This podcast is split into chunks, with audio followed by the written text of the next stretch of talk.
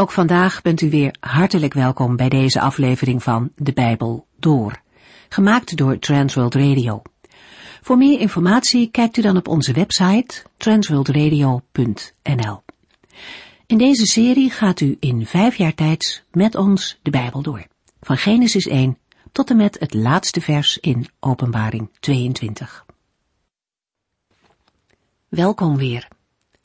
We keken de laatste keer hoe huwelijkskeuzes gemaakt werden in de tijd van de Bijbel.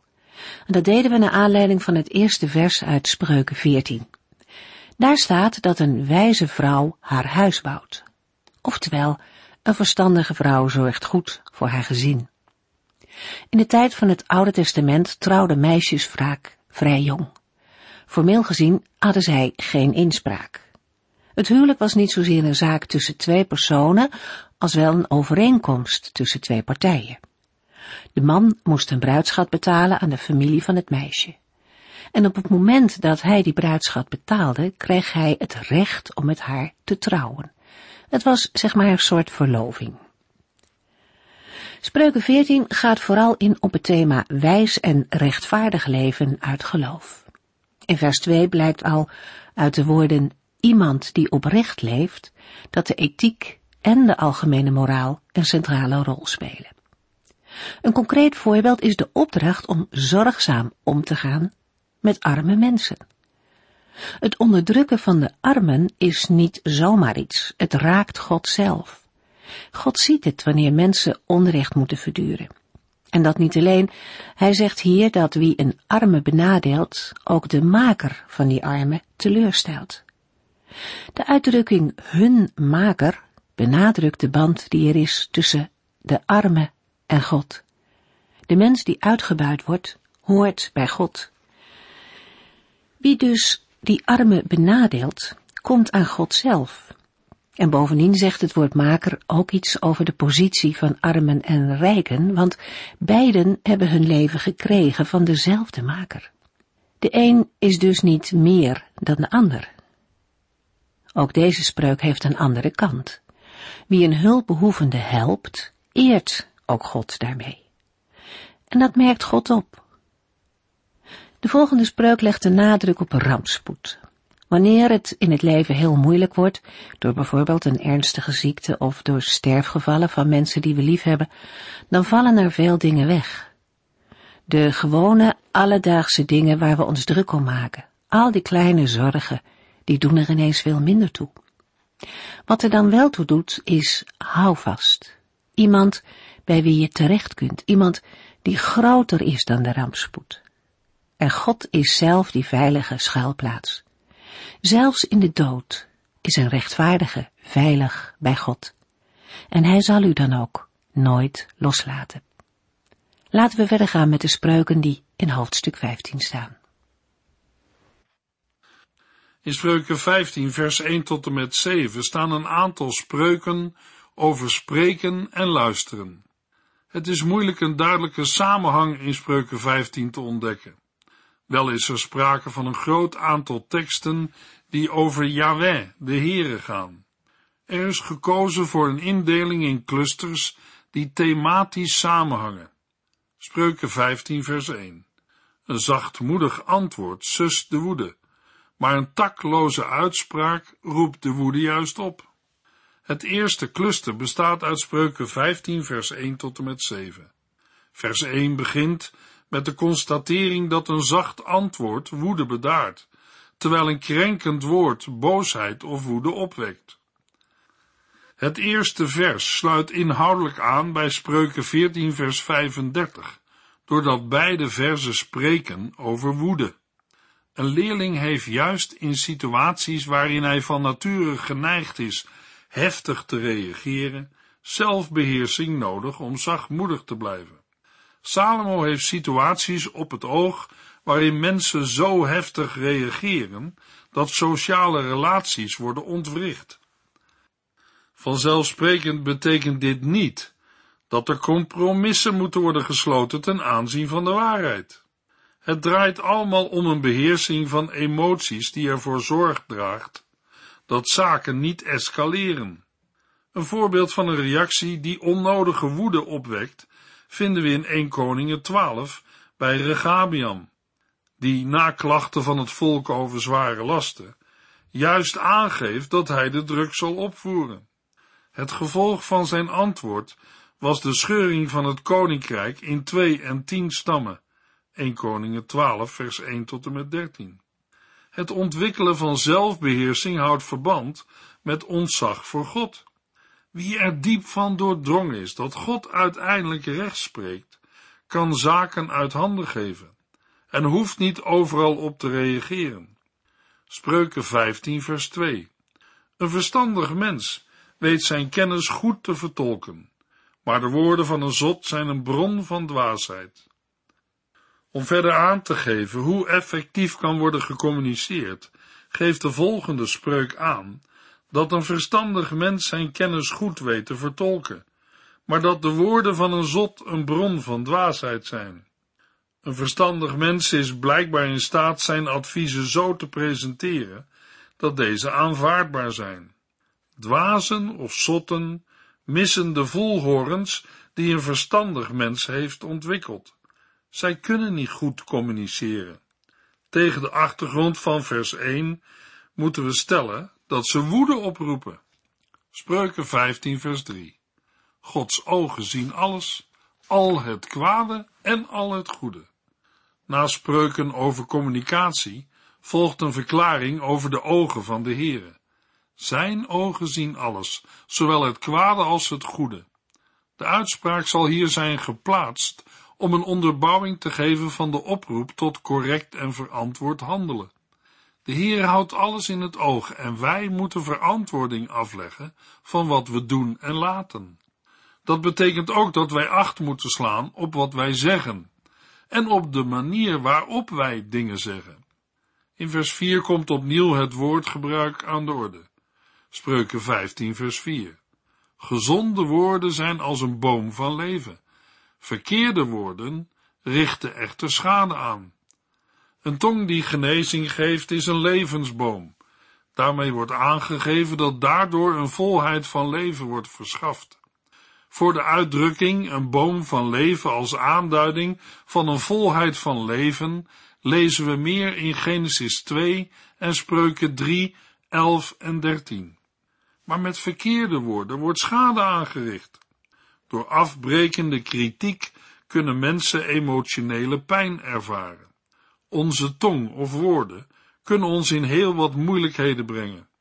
Aan de andere kant kunnen gezonde woorden ons uit de moeilijkheden halen. Woorden kunnen een zegen of een vloek zijn. Spreuken 15 vers 5 Een dwaas zal de lessen van zijn vader negeren. Maar wie luistert naar de terechtwijzingen van zijn vader, toont zich verstandig. Net als in vers 3 worden de spreuken over taal en spraak onderbroken door een onderwerp dat er niet rechtstreeks over gaat. In dit geval het onderwijs van de ouders. Een dwaas negeert de wijze lessen of het correctieve onderwijs van zijn vader. Maar wie terechtwijzing ter harte neemt, is verstandig. Vers 5 zal hier mogelijk zijn geplaatst om aan te geven dat verantwoord gebruik van taal door jongeren een basis heeft in bereidheid om te leren. Spreuken 15 vers 6 Het huis van de rechtvaardige bergt vele schatten, maar de goddeloze doet zichzelf schade aan. In vers 6 stimuleert Salomo jongeren zich te voegen naar de wijsheid die aan hen is doorgegeven en geleerd. Salomo doet dit door te wijzen op de gevolgen van rechtvaardig en onrechtvaardig handelen. Door dit handelen bergt het huis van de rechtvaardige vele schatten, maar de opbrengst voor de goddeloze is alleen maar ellende. In vers 6 wordt erkend dat een goddeloze rijkdom kan verwerven. Die overvloed en rijkdom zou jongeren zelfs kunnen imponeren en kunnen aanzetten om in verkeerde voetsporen te treden. Maar Salomo geeft in vers 6 de wijsheid door dat de rijkdom van de goddeloze niet blijvend is en uiteindelijk uitloopt op vernietiging. Spreuken 15 vers 7 Verstandige mensen strooien kennis om zich heen, terwijl het hart van de dwaas een dwaalspoor kiest. Het eerste cluster sluit af met een verklaring over de woorden van verstandige mensen en dwazen of onverstandigen. Woorden van wijze verspreiden kennis, terwijl het hart van de dwaas een dwaalspoor kiest. Een wijze heeft allerlei schatten in zijn hart verzameld en deelt ze uit op het moment dat hij het woord heeft.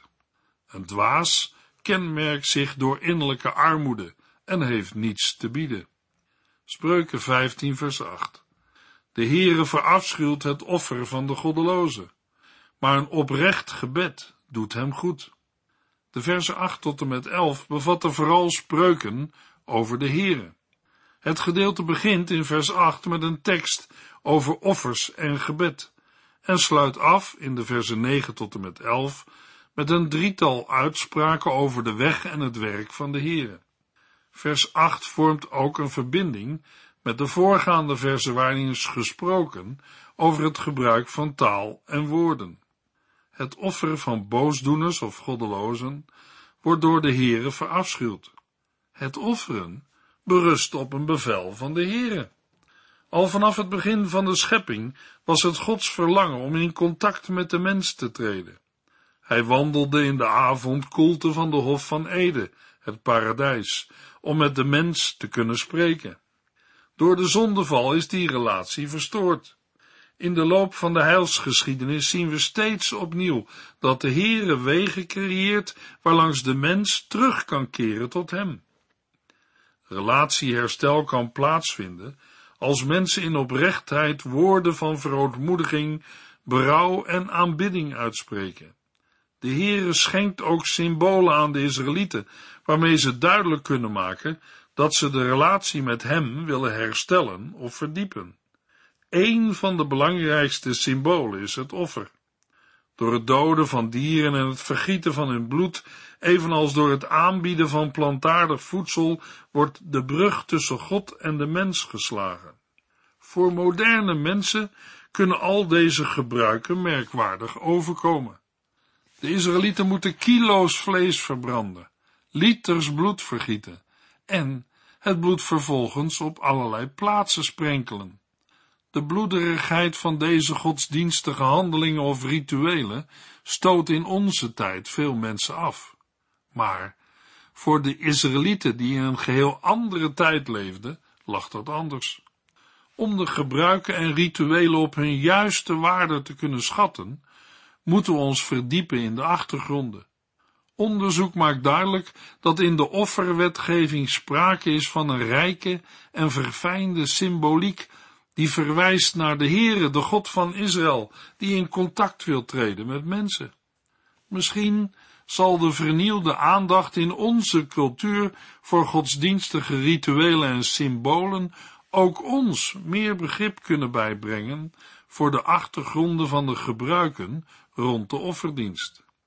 De Heere overbrugt door de offerdienst de kloof met zijn volk, het volk van het verbond. Langs de weg van de offers kunnen zij tot hem naderen. Maar wie de weg naar de Heere wil gaan, moet laten zien dat het hem of haar ernst is. Hij of zij moet iets van de toewijding van zijn of haar hart zichtbaar maken. De Israëlieten kunnen dat doen door bezittingen die hun dierbaar zijn af te staan. Dat kan een dier zijn, maar ook een gedeelte van de opbrengst van de oogst van het land. In veel gevallen verbranden de Israëlieten een offer op een altaar. Dat wordt al vermeld in het Bijbelboek Genesis. In het kader van het verbond van de Sinaï loopt het gebruik om te offeren uit op een algemene offerwetgeving.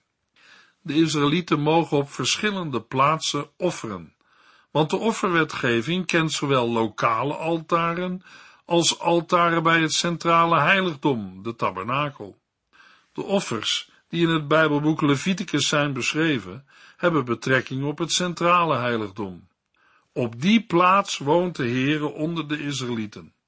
Daar kan het volk de relatie met hem verdiepen door het brengen van offers als een geschenk aan hem. In het geval van zonde kunnen de Israëlieten de relatie met de Heere herstellen door offers die verzoening teweeg brengen. Maar er behoort wel een relatie te zijn tussen de uiterlijke handeling en de innerlijke gesteldheid van de offeraar. Als zijn hart niet oprecht is, is het offer voor de Heer een gruwel.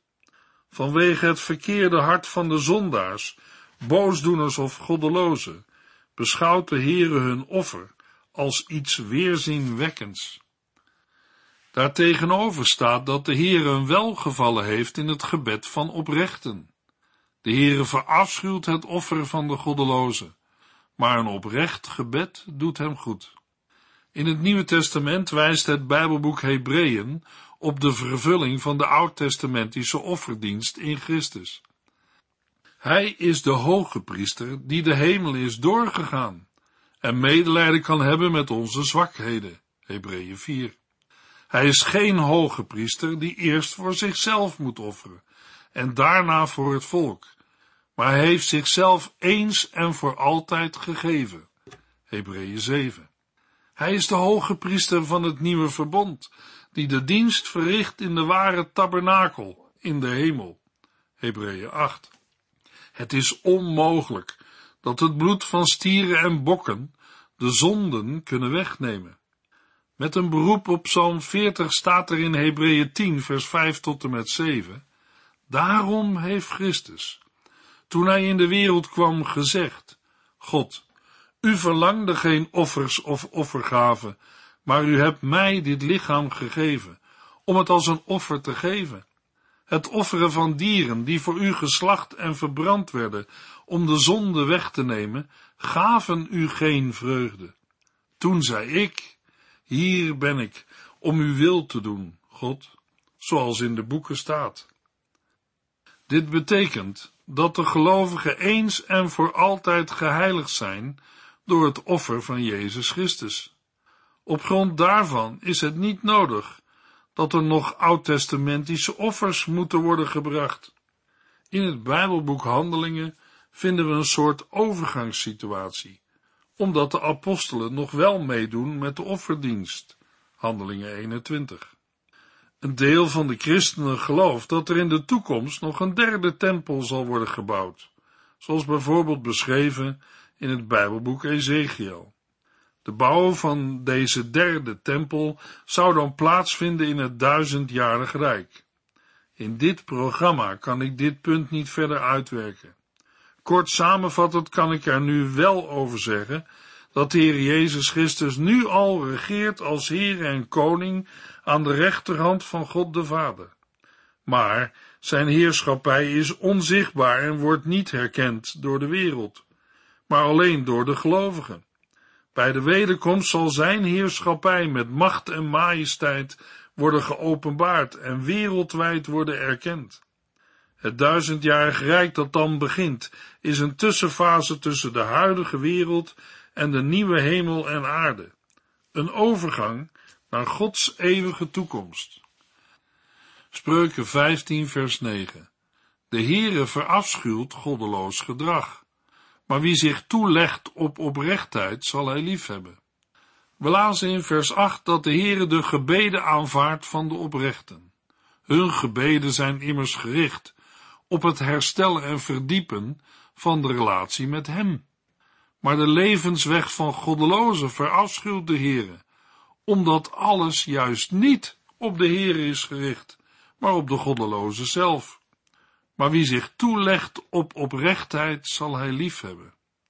De Heere houdt van mensen die actief en aanhoudend zoeken naar en zich toeleggen op oprechtheid. Spreuken 15 vers 10 Onderwijs en berisping zijn onaangenaam voor wie de goede weg verlaat.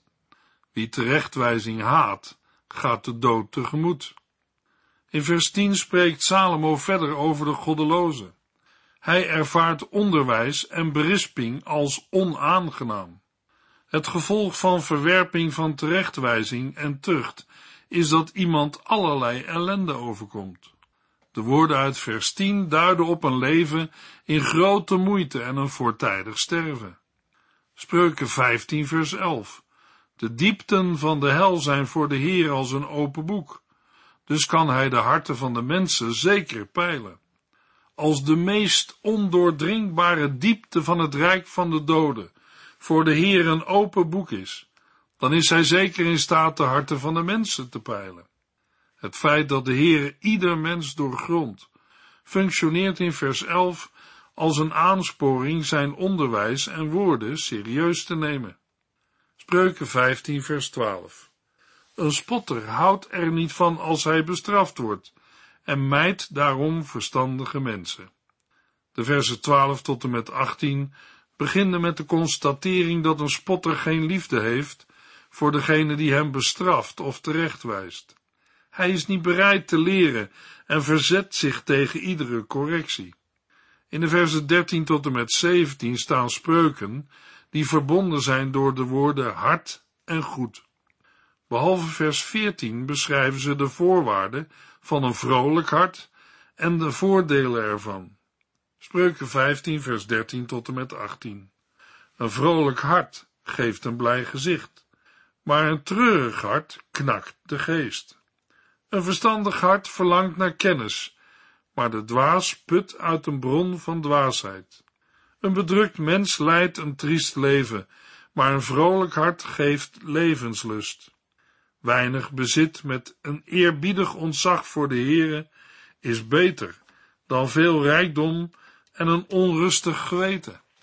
Een eenvoudig maal in een liefdevolle sfeer is beter dan een overvloedig diner met een liefdeloze sfeer. Een lichtgeraakt mens veroorzaakt ruzie. Een geduldig mens zorgt voor verzoening. Het vermogen om ondanks moeite blij te zijn, vindt zijn oorsprong in eerbiedige overgave aan de Heere. Een mens kan beter weinig hebben en ontzag voor de Heere dan grote rijkdom en een onrustig geweten. Onrust duidt vaak op een chaotische toestand, zoals wanorde na een militaire nederlaag. Salomo stelt met deze woorden dat de mens beter materiële armoede met geestelijke rijkdom kan hebben dan andersom. Hoewel op andere plaatsen in spreuken wordt gesproken over rijkdom als gevolg van wijsheid, staan in spreuken 15 vers 16 woorden waarmee wordt aangegeven dat een rechtvaardige soms moet kiezen voor een zuiver leven met weinig of geen rijkdom. Het thema van armoede in combinatie met rechtvaardigheid wordt voortgezet in een spreuk waarin staat dat een eenvoudige maaltijd in een liefdevolle sfeer beter is dan een overvloedig diner in een liefdeloze sfeer. Als er liefde is bij maaltijden, zullen de aanwezigen elkaar waarderen en positief benaderen. Vers 18 in dit derde cluster van verzen vermeldt dat een lichtgeraakt mens ruzie teweeg brengt, terwijl een geduldig mens twist laat verstommen en zorgt voor verzoening. Dwaze mensen reageren vaak vol emotie op dingen die worden gezegd of gedaan. De versen 19 tot en met 24 bevatten een aantal spreuken die handelen over luiaards en dwazen. Vers 19 begint met de mededeling dat de weg van een luiaard vol dorens en distels is. Er wordt eigenlijk mee gezegd dat een luiaard niet vooruitkomt. De weg van een oprechte is anders en welgebaand. In dit verband denk ik aan de gelijkenis van Jezus in Matthäus 25 over de talenten die iemand toevertrouwt aan zijn knechten. Als hij terugkomt, is er één luie knecht die er niets mee heeft gedaan. De versen 20 en 21 bevatten elk het woord vreugde of plezier. Een wijze zoon verheugt zijn vader, maar een dwaas veracht zijn moeder. Beide ouders zijn verantwoordelijk voor de vorming van hun zoon. En daarom houdt aanvaarding van hun lessen ook de acceptatie van de opvoeding in. Wie onderwijs aanvaardt, maakt zijn ouders blij, terwijl wie hun instructie en correctie veracht, hen verdrietig maakt. Vers 21 geeft aan dat zelfs dwaasheid bepaalde mensen kan verheugen. Maar dat geldt dan voor de onverstandige mensen. Iets van dit plezier vinden we terug in de woorden van Paulus in Efeziërs 4 vers 19, waar hij schrijft dat mensen die niets van God willen weten, zich overgeven aan losbandigheid, om gretig winst te slaan uit allerlei immorele praktijken. Een verstandig mens zoekt de goede weg. Hierna wordt aandacht gevraagd in vers 22 voor het belang van overleg. Plannen mislukken als er geen overleg is, terwijl een plan slaagt bij een veelheid aan adviseurs. Op het pleidooi voor overleg volgt in vers 23 een spreuk die ingaat op het gebruik van juiste woorden. Iets dat in de communicatie van groot belang is. Een belangrijke eigenschap van een wijze mens is dat hij een woord op de juiste plaats en op de juiste tijd zegt. Aan het begin van het vierde cluster in vers 19 is gesproken over de weg van de oprechte. Aan het eind in vers 24 wordt ingegaan op de levensweg van een verstandig mens. De weg voor een verstandige gaat naar boven en leidt niet naar het graf beneden. Er moet worden voorkomen dat de mens in de vernietigende sfeer van dood en dodenrijk terechtkomt en voortijdig sterft. De versen 25 tot en met 29 vormen de afsluiting van de collectie spreuken met verschillende tegenstellingen. Ze bevatten uitspraken over de Heere, de verklaringen over zijn heerschappij en zijn zorg voor gerechtigheid vormen een verzekering dat er in de schepping recht zal worden gedaan. Ook bevatten de spreuken een oproep ernst te maken met de weg die de Heere wijst. Spreuken 15 vers 29. De Heere houdt goddeloos op een afstand, maar het gebed van rechtvaardigen zal hij verhoren. In 1 Petrus 3 vers 12 schrijft de apostel Petrus hetzelfde.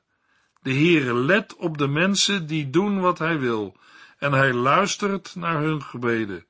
Maar hij wil niets te maken hebben met mensen die slechte dingen doen. Spreuken 15 vers 30 tot en met 33. Vriendelijke ogen maken het hart blij, en een goed bericht schenkt nieuwe moed. Wie luistert naar opbouwende terechtwijzingen, bevindt zich in wijs gezelschap. Wie de berisping verwerpt, doet zichzelf tekort, maar wie luistert, krijgt verstand en wijsheid. Eerbiedig ontzag voor de Heere leidt tot wijsheid, en nederigheid leidt tot eerbetoon. De opsomming van spreuken die zaken tegenover elkaar zetten, is met vers 29 ten einde. Vanaf spreuken 15 vers 30 lezen we vooral spreuken waarin zaken worden herhaald, of waarbij het tweede zinsdeel het eerste aanvult. Het is opmerkelijk dat in het vervolg meer nadruk komt te liggen op de rol van de koning, vooral in spreuken 16, terwijl de hoofdstukken erna handelen over het maatschappelijke leven in algemene zin. Maar daarover meer in de volgende uitzending over spreuken 16. U heeft geluisterd naar De Bijbel Door, in het Nederlands vertaald en bewerkt door Transworld Radio. Een programma waarin we in vijf jaar tijd de hele Bijbel doorgaan. Als u wilt reageren op deze uitzending of u heeft vragen, dan kunt u contact met ons opnemen. Tijdens kantooruren kunt u bellen op 0342 47 8432. 0342 47 8432. Ook kunt u een e-mail sturen naar de